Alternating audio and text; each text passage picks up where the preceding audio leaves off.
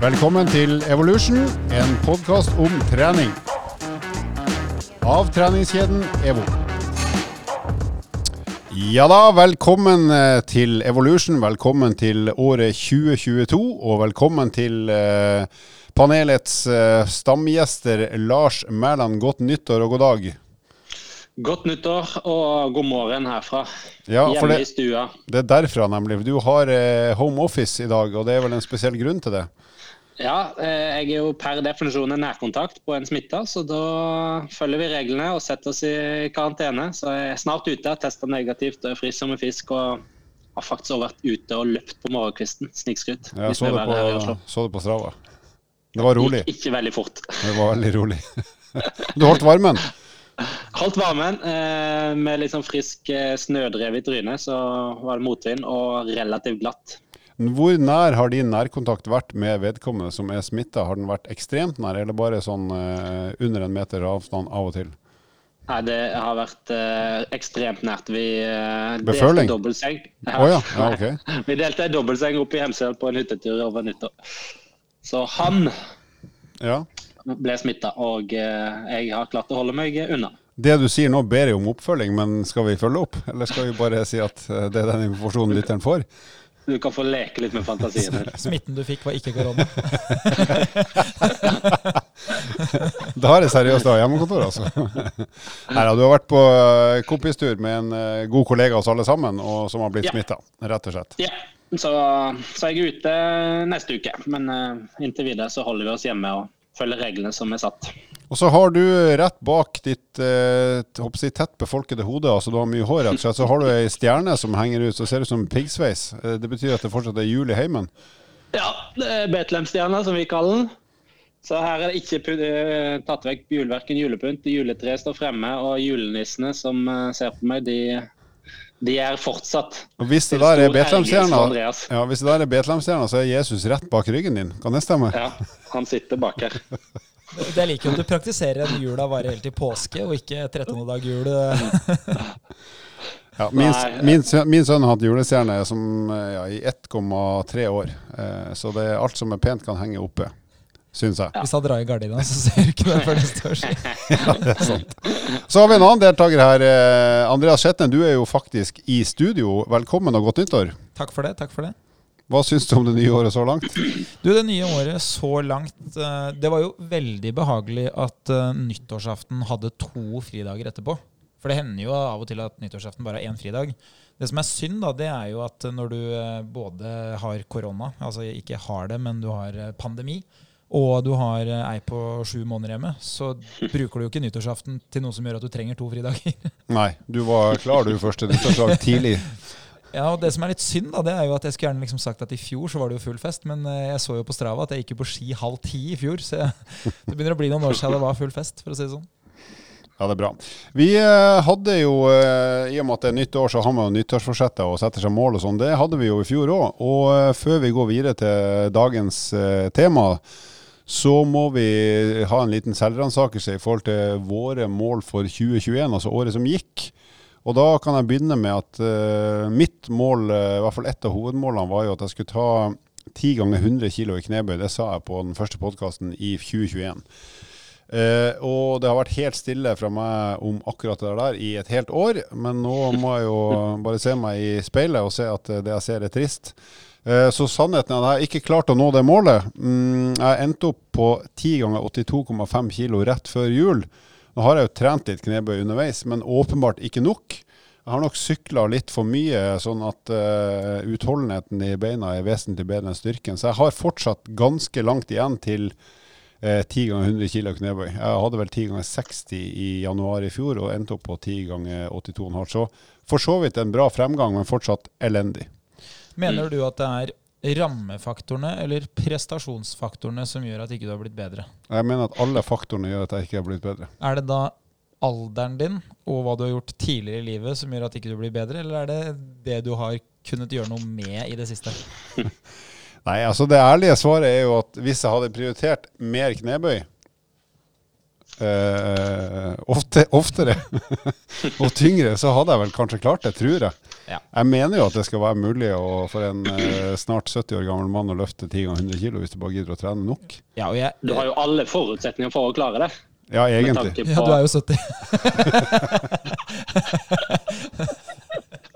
Målet mitt bør jo være å klare ti ganger egen eh, alder i kilo hele livet. Ja, faktisk. Det blir jo tyngre og tyngre, da. Kanskje dumt, det. Alders, hvor er aldersjustert. Hva med deg, Andreas? Hvordan eh, nådde du dine mål for i fjor? Nei, jeg, var- jeg, inntil vi begynte å snakke om det her, så var jeg egentlig ganske godt fornøyd med 2021. Og så tok jeg en liten recap i hodet nå, og det egentlig var jo 2021 ganske skuffende. Eh, Det starta jo ut med en vinter hvor jeg fikk gått veldig mye på ski, så jeg hadde jo litt sånn hårete mål om å kanskje gå Birken under tre timer. Så ble jo Birken avlyst, så da ryker jo liksom det. Men så var jeg jo i veldig god form, og det var jo veldig bra føre. Men eh, problemet var jo at eh, etter å ha gått på ski i ca. én time når jeg kom opp på fjellet, eh, og da faktisk lå foran skjema, så var det jo 15 sekundmeter motvind. Så da var det jo bare å droppe det. Det gikk jo ikke i det hele tatt. Jeg tapte jo faktisk hele 40 minutter på, på de fire milene. Det er sikkert. Så det, det starta jo liksom der, da. Og så fikk jeg jo en idé om at jeg kanskje skulle prøve å perse på alle distanser fra 3 km til maraton. Og det er jo da 3, 5, 10 eh, halvmaraton og helmaraton. Ja, pluss den litt spesielle 13.500 meter. Men den har du kanskje ikke hørt om. Nei, ikke sant. Men der òg må jeg jo ærlig innrømme at jeg persa jo på 3000, men det, det visste jeg at jeg kom til å gjøre.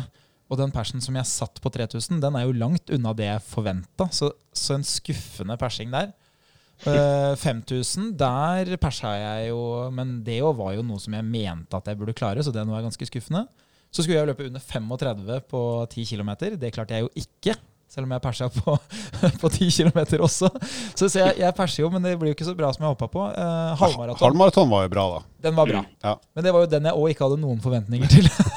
og så løp jeg ikke maraton. Men da var du jo på TV, om ikke annet. Da var jeg på TV-en, og jeg var med i NM, faktisk. Ja, så jeg mener jo din beste prestasjon ja.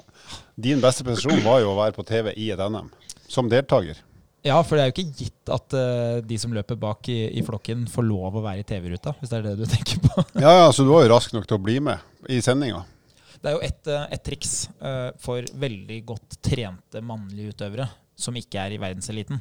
Og det er jo å sørge for å være nesten like god som de beste damene. Det kan hende du kan være like god som dame nummer tre for eksempel, i Oslo Maraton. Og da får du litt TV-tid. Ja, og hvis du ikke er i nærheten av det heller, så prøv å bli med på oppvarmingsbilder. Ja. Finn deg en kameramann eller kvinne og bare jogg med høye kneløft fram og tilbake der i selvlysende klær. Strengt tatt så var det jo det var jo der jeg var i TV-ruta. Det var jo under oppvarming. Ja, Det verste var at jeg satt faktisk og så på det. Og det, Grunnen til at jeg ble fanga opp, var jo sikkert at de fant han som så mest nervøs ut. Og han som så ut som Ok, han der, han vil virkelig ikke være der. Ok, Lars, du har jo også hatt en uh, ganske heftig og innholdsrik uh, aktivitets, uh, et aktivitetsår. Hva, hvordan, lo, hvordan har du endt opp med dine mål for i fjor? Jeg starta jo kalde året med et mål om å fullføre Trondheim-Oslo under 20 timer. Det var på en måte lå til rette. Men så Og du skulle det- fullføre før nyttår. Ja. 20 timer i løpet av året på sykkel. Lars Inge fra Hamar, han da. Dette rittet ble jo da eh, avlyst og postponed først. eh, Bare ble pusha på, um, utsatt. Og så ble det avlyst, og så ble det en sånn QR-kodevariant. Og da eh, måtte vi lage vårt eget opplegg. Og vi klarte å fullføre, som vi har snakka om tidligere episoder. Dog ikke på den tida vi tenkte, men eh, da var det bare å komme seg til mål og få en så eh, god opplevelse i gåsetegn som overhodet mulig. Ja, men dere, var gjen, egentlig- dere gjennomførte, og det er jo en hel jobb bare det å planlegge en såpass lang tur med følgebiler, mat, utstyr og reserveutstyr og hele pakka, i tillegg til at du skal trø de Hvor mange mil ble det? 54 eller noe sånt? var det? Ja, nei, Vi hadde jo nesten 5-5-6, tror jeg vi hadde. Det, ja, for det er en litt annen rute. og vi På natta der så tok vi en litt annen rute for å få litt mer lys og litt bedre vei enn det, enn det var når vi nærmer oss Lillehammer. For der er det mye ja, grums langs veien. og Vi sykla helt til slutten av august, Ja. når det begynner å bli litt uh, mørkere igjen. Men uh, ellers så hadde jeg egentlig ikke noen sånn kjempestore mål. Jeg hadde òg mål om å løpe et eller annet løp som er litt lengre enn vanlig. Vil si jeg liker å teste både hode og kropp. Eller Det fysiske og det psykiske. Men jeg fant egentlig aldri noen, eh, selv om eh, det var en plan om å løpe Stranda Fjord Trail Race. Så det får vi heller prøve igjen for 2022. Jeg fikk med et maraton. Det var jo en utfordring, det òg. Eh, jeg sier ikke nei takk til utfordringer. Jeg står eh, aldri av, som oftest i hvert fall. Og så må man prøve å være så smart som mulig. Så det var å legge et, eh, et, et så tentativt bra løp som overhodet mulig i forkant at jeg fikk nok kilometer. Og det, jeg klarte nå å få målet, og ja. det var under 3.30. Hvor er det vi skal i 2022 å løpe? Hvor i utlandet, hvis det blir åpent? Nei, Jeg har litt lyst til Dolomittene. Ehm, det er et eh, løp som går eh, i og rundt Cortina, som vi alle kjenner som en fantastisk OL-by. Fra 1956. Eh, ja. Så der har jeg vært noen ganger før og løpt i fjellet. Så er det litt sånn reiserestriksjoner som gjør om man får være med eller ikke. Eller om jeg kommer til å reise eller ikke, det vet man jo ikke. Det er jo helt frem til sommeren.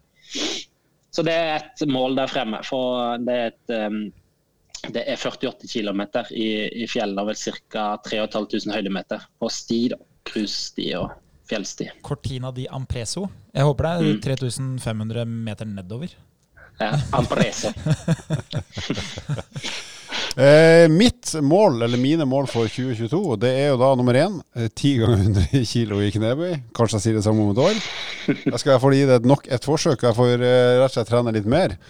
Og så har jeg som mål å klare å sitte og sykle på eh, racersykkelen min i 20 minutter og ha en gjennomsnittlig wattproduksjon på 400. Og det høres ikke Eller det er sikkert ikke så mange som har noe forhold til det, men på mitt nivå så betyr det at jeg må rett og slett bli litt mer utholdende og ha enda litt mer trøkk i pedalene eh, i såpass lenge som 20 minutter for å få til det. For i dag ligger jeg på ca. 370, så jeg har et godt stykke opp. Selv om det høres lite ut, så er det er nesten 10% bedre enn enn det jeg har hatt. Og jeg har ikke så veldig mye flere timer å trene, så jeg må rett og slett eh, forandre treninga litt tror jeg, for å få det til. Hvis du setter deg litt på um, Spissen? ja, ikke på egentlig, Blokka? Jeg tenker mer at vi, vi skal gjøre det litt forståelig, da. Så hvor, hvor var du Altså Hvis vi sier at du starta å sykle for to år siden, da. Mm. Si at det er det starten. Hvor, hvor var du når du starta? Da hadde jeg på en sånn 20-minutterstest så hadde jeg ganske nøyaktig 270 watt.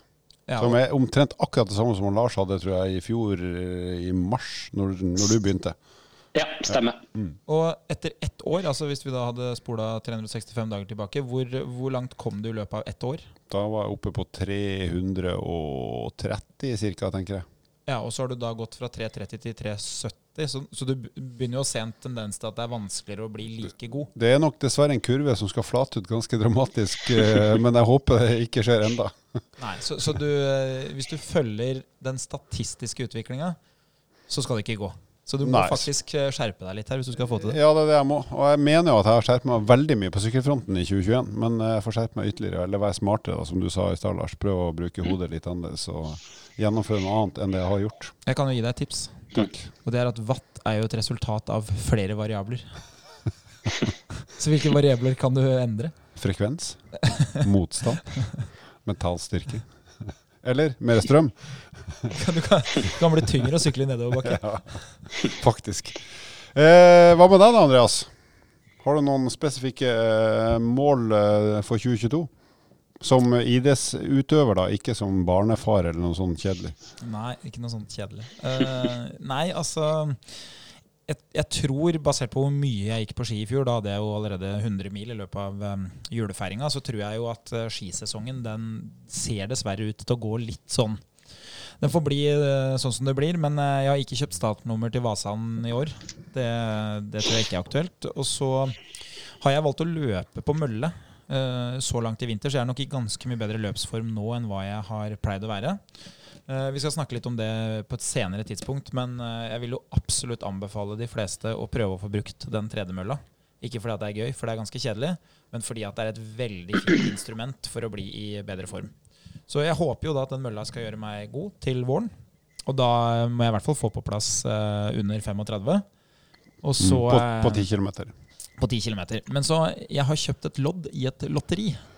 Eh, og for meg vil det være stort å vinne eh, en av premiene i lotteriet. Men jeg tror nok ganske mange i befolkninga hadde tenkt at det er et ganske kjipt lotteri. Det her er ikke noe kakelotteri? Det er ikke et kakelotteri. Eh, lotteriet det er da i et uh, det, det, er tysk gevinst. Og, og, gevinsten den gjør at du må reise til Berlin utpå høsten. Og Berlin, ja. Og Berlin har verdens raskeste maratonløype. Det er der verdensrekorden settes, og det er der alle, alle satser. Så før jul så la jeg inn et lodd i lotteriet, og, og hvis jeg da blir trukket ut til å kunne løpe i Berlin, så, så blir jo det 100% fokus. Fordelen- når får du vite det, da? Nei, det skal egentlig være klart i løpet av januar. Eh, og så er det jo typisk sånn at de som melder seg på til Berlin og ikke vinner i lotteriet, de har jo en lei tendens til å møte opp et annet sted. Så det går jo flust av maraton utover høsten, så, så det blir nok det. Og da er det helt naturlig å kanskje være i kanonslag for fem og ti kilometer før sommeren. Og så prøve bare å trekke den distansen opp til å bli et type maraton. Og da er tids, tidsmålet med D og ikke T. Hva er det? Tids, tidsmålet? Nei, jeg er litt usikker. Jeg har jo en ø, høy 2,46 fra før av. Problemet er jo at ø, når du ikke trener for maraton, så virker det helt hinsides å kunne løpe i den farta så lenge. For, for det, det er jo tungt fra, fra start. Basert på hvordan den høsten for to år siden var, så, så tror jeg jo det er mulig å løpe en del fortere. Så under 2,40 er jeg ganske sikker på at skal være mulig hvis alt ligger til rette. Men problemet er jo det samme som du opplever, Halvor, på, på Watt. Da. Det er jo at uh, det høres ut som det er ganske kort, men uh, det er lettere å gå fra tre timer til 2,45 enn det er å gå fra 2,45 til 2,30. Ja. Så uh, basert på hvordan livet ser ut og hvor mye jeg får trent, så, så ligger jeg på sånn fem-seks timer med løping i uka. Det skal ikke være mulig å løpe noe særlig under 2,40 med fem timer i uka, for det blir for kort. Men da sier vi allikevel at målet ditt er under 2,41, da. For det er jo mye lettere enn under 2,40. Ja, for da kan du jo sprekke på tampen der og fortsatt klare det. Ikke sant? Og har du medvind på halve distansen, så eh, får du litt eh, hjelp der òg, vet du. Men for har litt flaks. For å sette det i, i perspektiv, da, så, så satte jeg jo for meg da, tidenes pers på halvmaraton på, på under 1,19.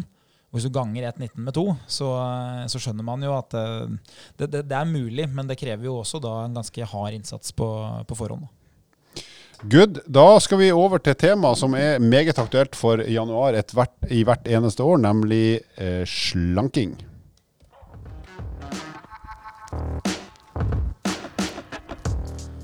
Vi skal snakke om eh, slanking, og nå er det jo eh, høysesong for det. Eh, slanking eller vektnedgang eller ekstrem vektnedgang. Mange ord på det. Mange som prøver å selge ulike dietter og kurer og varianter, produkter, for å få folk ned i vekt. Og Det har jo selvfølgelig sammenheng med at vi er inne i et nytt år, og mange har da som forsett å enten komme i bedre form og eller gå ned i vekt, og sikkert mye annet også. Men det er en sånn typisk eh, start, oppstart for, for veldig mange som ønsker å gjøre noe med helsa si. Så eh, vi skal egentlig prøve å diskutere litt hva er det som er realistisk å oppnå eh, hvis du har lyst å gå ned i vekt, og kanskje gå ned i vekt fort.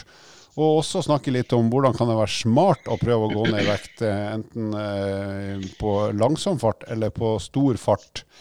Og sånn Innledningsvis så kan vi jo si at en sånn generell anbefaling fra de som kan mye om det, det er jo at du kan gå ned ca. en halv kilo i uka over tid.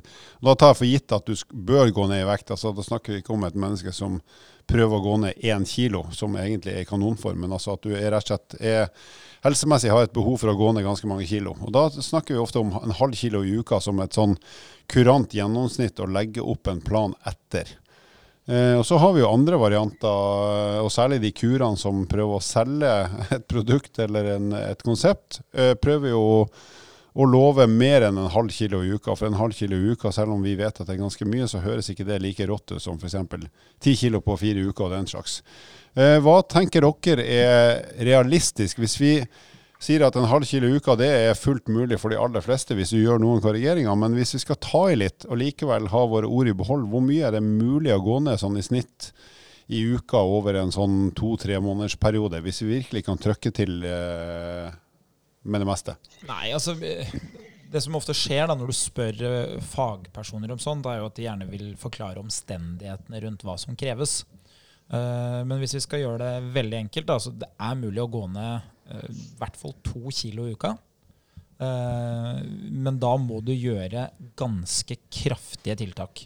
Og Det betyr da at hvis du legger til grunn at du skal gå ned to kilo i uka, så har du sagt ja til at uh, det her er uh, nummer én prioritering hver eneste dag hele tida. Fordi uh, det som vil skje da på et eller annet tidspunkt, ikke sant, det er at kroppen har en hvileforbrenning, og den hvileforbrenninga den er gitt av størrelse. Så det handler om hvor stor du er, og, og litt til dels hvor mye muskler du har. Og Det betyr at det fins en maksimal forbrenning du kan oppnå i løpet av en uke. Så hvis du ikke spiser noen verdens ting, og bare ligge på sofaen, som ingen kan gjøre, da, men, men da ville du ha stått med en vektreduksjon som hadde vært ganske stabil. Den hadde vært avtagende, for du hadde jo blitt mindre og mindre, så du forbrent mindre og mindre. Men da, da vet vi hva du er, eh, har av potensial. Men så er det jo sånn at for å kunne overleve da, og ikke havne i trøbbel, så må du jo ha et inntak av mat. Og så er jo spørsmålet da, hvor lite klarer man egentlig å spise uten å rett og slett stryke med da, på en uke. Uh, og, der er jo, det er jo der problemstillinga kommer. Fordi det vi ser da, det er at det vil være mer hensiktsmessig å spise mat, men å bruke aktivitet til å øke forbrenninga, enn det er å bare droppe mat og så eh, bruke da hvileforbrenninga til å komme seg ned i vekt.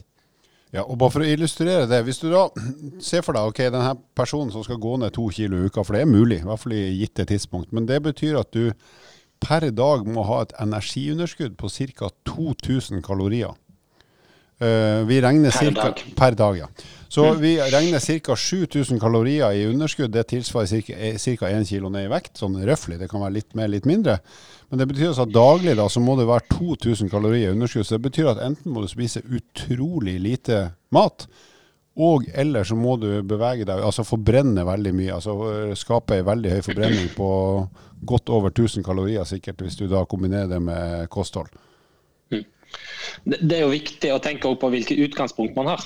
Eh, en ting er den fysiske, altså, eller det fysiske, at man ikke er aktiv eller har vært inaktiv. Men òg hvor mange kilo det er potensielt man bør gå ned i forhold til den helsesituasjonen. Et rent sånn praktisk eksempel som vi har prata litt om tidligere i podkaster, er jo eh, Trude, vårt prosjekt eh, kalt Toppform. Som er, som er barnehageansatt og hadde vært mer eller mindre inaktiv de siste tolv åra. Og som eh, ikke hadde et hovedmål om å gå ned i vekt, men som ønska å bli sterkere, få litt mer synlige muskler og få mer energi.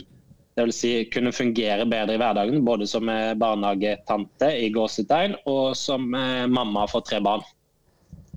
Og Resultatene hennes etter ti uker, der eh, kom vi nesten på ti kilo ned i vekt. Dvs. Si noe endring av kroppssammensetning som gikk litt opp i muskelmasse når vi så på, på, på analysene av kroppssammensetningen. Og resten var mer eller mindre fettmasse. Så her viser det jo at med et, eh, et økt eh, aktivitetsnivå, altså dvs. Si x antall treningsøkt i uka, eh, i tillegg til en litt mer aktiv hverdag, så vi la oss på en anbefaling med rundt 10 000 skritt om dagen. For det var liksom veldig visuelt, og når du bruker en aktivitetsklokke, så er det liksom gøy å se at man når det målet man har satt.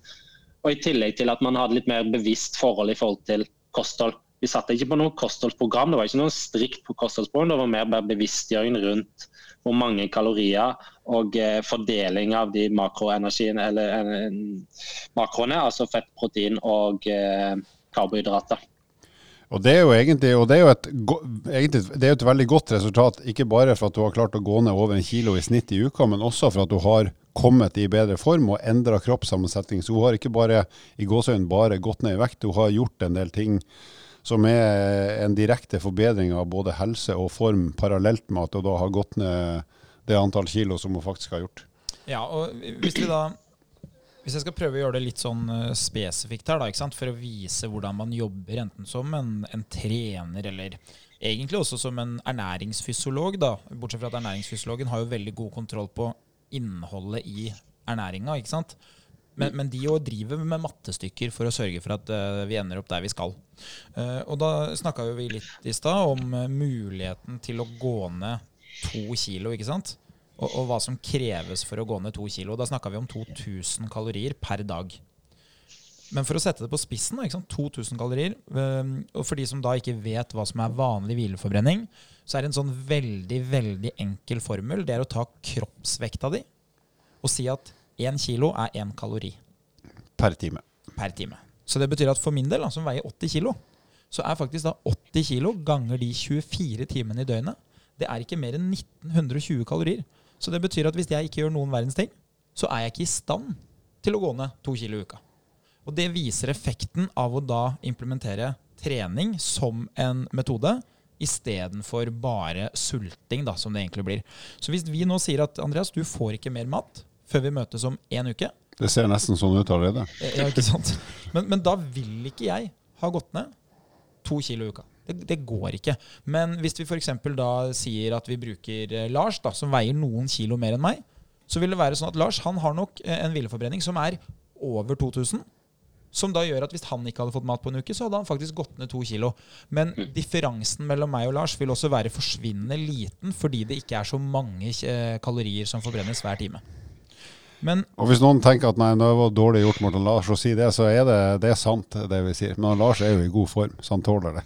Jeg har, ti til tolv kilo på Andreas. Og det kommer an på hvilken del av sesongen Andreas er i. Og så har du 10-12 kilo ekstra med muskler. så, som jeg ikke har. Og hårvekst. Men eh, hvis vi da bruker det, det tallet, da, så sier vi men, men jeg vil gå ned to kilo. Det, det er det jeg vil. Det er det resultatet jeg har. Ok, Hva er det jeg kan gjøre? Jeg kan jo ikke sulte meg. Det har vi funnet ut. Det går ikke. Så da sier vi at nei, da må du begynne å gjøre aktivitet. Ok, Har jeg trent mye? Ja, det har jeg. Så derfor så kan jeg sikkert bruke den mest effektive treningsformen, som er langvarig aktivitet med høy intensitet. Løping, skigåing, sykling. Men eh, si at jeg ikke har trent, da. Ok, Hva kan jeg gjøre som har langvarig høy intensitet? Jo, jeg kan gå fort. Og da kan du si at ok, hvor mye kan du gå? Nei, si at vi klarer å få, få dratt på litt, da. ikke sant? Si at jeg har mulighet til å drive og gå i et par timer, da. Ok, vi, vi vil, Andreas, at du skal gå til du har gått bort 2000 kalorier. Ja, det, det kommer jo til å ta litt tid. Det, det blir noen timer med, med gåing på meg her. Det er jeg innforstått med. Men uh, si at jeg klarer å gå 2000 kalorier. Da har vi plutselig de 2000 jeg har gått, pluss de 1920 som jeg hadde ja, da kan jeg jo gå 2000 i minus hver dag. Da kan jeg faktisk tillate meg å spise nesten 2000 kalorier og fortsatt gå 2000 i minus. Og så får vi håpe at du orker å gå så langt på de, det energiinntaket. Ja, ikke sant? For det er jo den, Men det er mulig. Ja, for det er det siste mattestykket her. Det er jo at eh, når du da begynner å legge til aktivitet, så sier du jo også indirekte at ja, men da må vi jo ha noe næring, altså noe mat, som vi kan bruke på trening. Og det er jo det vi hele tida vekter. ikke sant? Det er at den aktiviteten vi gjør, den bør være litt mer av verdi enn inntaket vi har. Så du kjøper deg tilgang til å trene mer i den perioden. Men, men poenget her er jo ikke at man skal verken sulte seg eller trene seg i hjel. Poenget er jo at man skal ha et edruelig forhold til hvor mye det er mulig å gå ned. Og Det er jo derfor Helsedirektoratet anbefaler en halv kilo per uke. Fordi det er 500 kalorier som de fleste kan få til uten masse aktivitet og uten å måtte sulte seg. Så det er derfor vi lander på 500 kalorier. da. Og så er Det jo, det man leser i medium nå, er jo, eller i de fleste store medier, eh, aviser og også andre digitale flater, er jo at man det er ikke så mye som skal til for å gå ned i vekt. Eh, og Mange av de historiene man leser om, er jo eh, stort sett enten bare på kosthold eller bare på trening. Ikke de to sammen.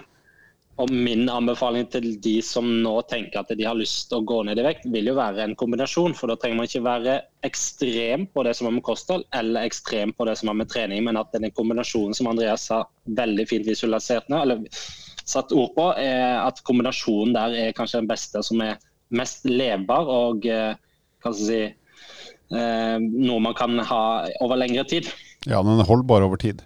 Mm. Hvis jeg skal, basert på egen erfaring pluss all den eh, statistikken vi sitter inne på, så vil jeg sagt at for de aller fleste som har en del kilo de vil ta av, og som de kanskje bør ta av for egen helses skyld, så ville jeg tenkt at uh, en halv til én kilo i uka er et kult mål å ha.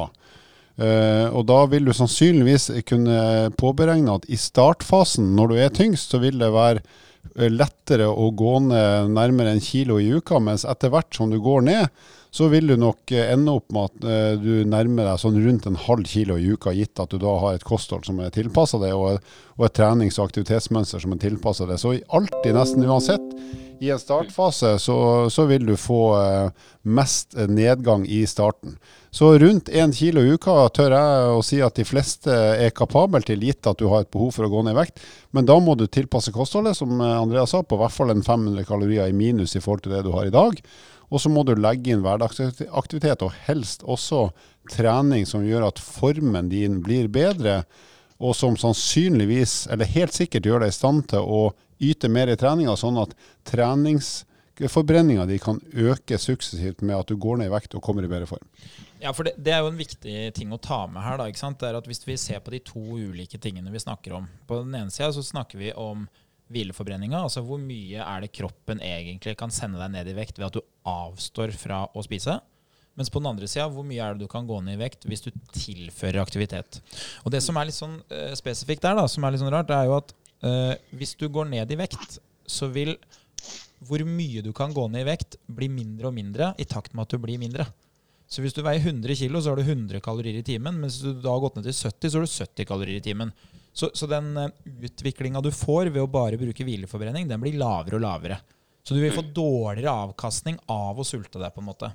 Mens motsatt vei, da. Hvis du trener, så vil det være sånn at i takt med at du blir i bedre form, så vil du få den motsatte effekten. Jo bedre form du er i, jo lengre til, altså distanse er du i stand til å tilbakelegge mens du f.eks. sykler eller løper, eller hva du gjør. Du er i stand til å holde høyere intensitet. Så forbrenninga per minutt eller per time mens du trener, den blir høyere. Så Derfor så er det en kjempefordel som Lars sier, at du ikke velger én av to, men at du velger begge. Og at du hele tida jakter på at treninga di den bør eh, inneholde en eller annen form for det vi kaller progresjon, en eller annen utvikling, som gjør at når du har kommet til den vekta du ønsker, så har du blitt i såpass mye bedre form at du kan faktisk tillate deg å spise ganske mye mer mat enn det du kunne ved utgangspunktet. Og du kan sannsynligvis bruke litt mer tid på trening òg, fordi at formen din er så god at det du gjør på treningsøktene er mye mer per minutt nå enn det var for mange kilo siden. For å sette det på spissen, som i stad. Eh, jeg bruker fem til seks timer på å løpe i uka. Men jeg forbrenner jo da eh, ca. 56 000 kalorier fordi jeg hele tida er i stand til å tilbakelegge en distanse på en time som er røftlig 12-13 km, og da blir det fort 1000 kalorier på min kroppsvekt. Men jeg hadde ikke vært i stand til det eh, hvis du hadde spurt en ti år tilbake i tid. For da hadde jeg plutselig veid eh, kanskje det samme, men jeg hadde vært i så mye dårligere form at eh, det ville ikke vært mulig for meg å tilbakelagt så store distanser hver gang jeg trener. Og for ti år siden så var det vel mye sterkere benkpress òg, var det ikke? Ja, jeg var mye, jeg mest sannsynlig hadde jeg mye høyere hvileforbrenning. Jeg hadde mer muskelmasse, eh, jeg hadde høyere kroppsvekt. Så det jeg forbrant når jeg lå på sofaen, var mer. Men jeg var jo ikke i nærheten av å kunne tilbakelegge så mye distanse. Da. Så oppsummert, inn i slankesesongen, som er nå, og for så vidt eh, hele året, men spesielt nå, så Eh, anta at du skal kunne klare ganske greit i gåsehudene en halv kilo i uka, men eh, i en startfase så kan det fort gå eh, renne en kilo i uka, kanskje til og med litt mer. Men etter hvert som du går ned i vekt, så vil det avta noe. Men da er denne treningsfaktoren viktig, sånn at du fortsatt kan, kan kanskje ligge opp mot en kilo i ganske mye lengre tid enn det de fleste andre kan, fordi at forbrenninga di i trening blir suksessivt større og større. Så ikke vær redd for å ha et ganske kult mål, som er å si at ok, i startfasen så går jeg for én kilo i uka i ganske mange uker, men da skal jeg gjøre noe for det også. Jeg har eh, et eh, supertips, som er supertipset over alle supertips for den som skal bare gjøre et enkelt tiltak når de skal ned i vekt. Det betyr at folk bør høre etter akkurat nå, eller? Ja, og det er jo sånn at hvis du, hvis du har et litt sånn kjipt forhold til inntak, sånn som jeg har, som gjør at du spiser mye av det samme hele tida, ikke sant? Fordi eh, man går på jobb, man spiser lunsj, man spiser kanskje samme til lunsj, man spiser gjerne de samme middagene. Hvis du finner én ting som inneholder f.eks.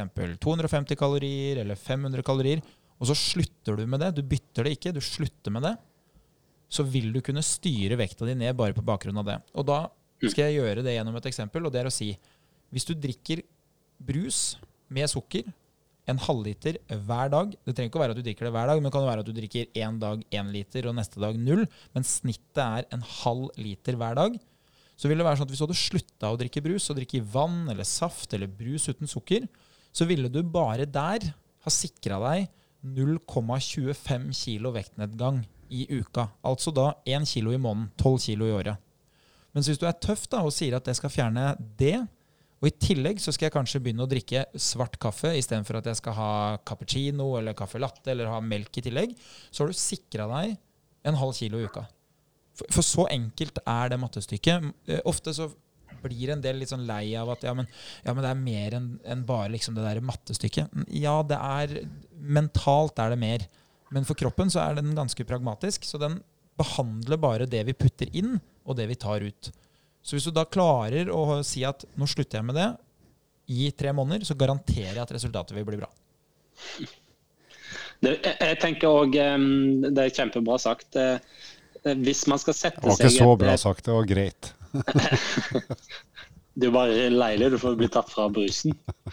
Uh, så hvis man skal sette litt fremover, at man setter seg et, et mål, for det er jo det som kan være viktig i den prosessen med en vektnedgang. Hvor langt frem i tid skal man, eller hvor mange kilo skal man gå ned til et, en viss dato? Om det er eh, til påske, altså 1. april, eller om det er til sommeren. Så, så og være obs på, for det tror jeg eh, erfaringsmessig er lurt å, å, opplyse om eller snakke om. og Det er at man møter noen fartsdumper på veien. Det vil si, det er ikke like lett at det hver uke går ned én kilo. Like lett å holde opp motivasjonen til å holde det kostholdet, og i tillegg til å gjøre den treninga. Så eh, Tipset der som jeg har brukt på mange kunder, og som jeg brukte litt på Trude, er jo at man implementere en del variasjon både i forhold til kostholdet og i forhold til treninga. For det gjør at man eh, kan si, får brutt opp litt vaner og litt rutiner som ikke blir eh, så i gåsetegn kjedelige. Og så er det alltid et tips eh, når du eh, møter på en liten sånn stagnasjon. Se deg tilbake og se hva har du faktisk oppnådd. Så selv om denne uka her ikke var et ras ned i vekt, så har du kanskje gått ned 3-4-5-6-12-13 kilo de siste antall ukene, som er et fantastisk resultat uh, uansett. Og Det er de to, de to, praktiske tingene jeg vil at alle skal ta med seg, som uh, tenker på der. Den ene er at det er ikke at du skal gå ned det samme hver uke. Det er snittet du har gått ned over tid vi snakker om. Og det andre det er en aha-opplevelse for veldig mange. er Hvis de begynner å bytte ut litt av det de spiser, med ting som inneholder færre kalorier, så vil de se at de gjerne kan spise mer. Og Det er jo en overraskelse veldig veldig mange får hvis de får hjelp til og sette en ganske god kostholdsplan. Så det er et, eh, et tips fra meg. Altså. Så da ønsker vi alle lykke til med både formforbedring og vektnedgang. Eh, så tror vi at de aller fleste kan komme i mål hvis de følger omtrent det vi har sagt.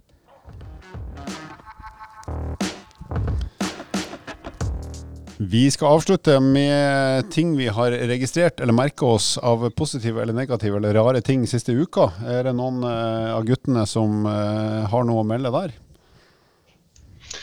Jeg kan jo begynne. Jeg, uh, jeg har ikke vært en stor fan av skihopping. Men, av naturlige årsaker? ja, av naturlige årsaker. Så, men jeg har jo sett en del skihopp, eller sett skiflyg, nei, hoppuka. Eh, de siste, siste uka. Og eh, jeg syns det har vært eh, litt mer spennende. og Én ting er at vi har hatt to norske der oppe som har kjempa, som også for så vidt gjorde det bra og ble nummer to og tre. Men det at Japan virkelig setter hoppsporten på kartet igjen med med gode skihoppere. For de har jo en helt fantastisk teknikk hva kommer til mobilitet og bevegelighet og, og flystilling, eller hva heter det? Flytestilling. Ja, og så har de ganske bra guts òg, tror jeg, som tør å ligge frampå sånn. Ja, altså de ligger jo mellom skia. Altså det, hvis man hadde gått gjennom litt statistikk på, på stil, eh, stilpoeng, så tipper jeg Japan i snitt har hatt eh, garantert høyest, selv om de ikke kanskje hopper lengst eh, i alle renn. Så jeg tipper de har vært oppe der med 19,5 og 20 eh, i alle aller fleste tilfellene. Og gode, gamle Kasei og Funaka, disse her som er langt over 40 år og likevel hopper på ski og ja, ser ut litt sånn som deg, Halvor. Ser ut som en million. Japan er jo best, bortsett fra med tyske dommere. ja. Han som tryna fikk 18,5, eh, det er jo eh, klasse. Ja, det må jeg si. Akkurat det, Der, Som Tyskland-fan så ble jeg litt skuffa over at en tysk dommer var så inhabil og inkompetent, som ga sin egen hopper uh, ufortjent mye uh, cash på stilen. Det var uh, dårlig. Det er litt deilig at det forekommer i, i 2022 også. Ja, det er bare litt flaut når alle ser det på internett og på TV. Du blir liksom ferska med en gang. Vi har jo ikke å si, da. Jeg la ikke han opp når han var 48? Fire eller fem eller seks. Han var i hvert fall kjempegammel. Han var jo nesten eldre enn meg, tror jeg. Har han lagt opp? Ja, hvis han ikke, han Kanskje han holder på i nasjonale renn. Han, han, har ikke lagt opp, han. Han har ikke lagt opp? Nei, nei, nei. Han, er i hvert fall, han, har, i hvert fall vært med i eh, Jeg lurer på om det var 12 eller 13 VM og 8 OL. Jeg tror han debuterte, i, jeg, jeg tror han debuterte i OL i 1936. og var med i 2018. med Birger ja. Så han har vært med på alle stilvariasjoner. Nei, Det er imponerende. Skihopping er ja, For meg er det så fjernt å tørre å gjøre noe sånt, særlig i en bitte liten bakke. Så jeg er imponert uh, til de grader. Og særlig når, det, som du sier, de tør å stikke hodet sitt mellom skia og de jager nedover 140, 50, 60, 70, 80 meter. Det er mm. ekstrem sport.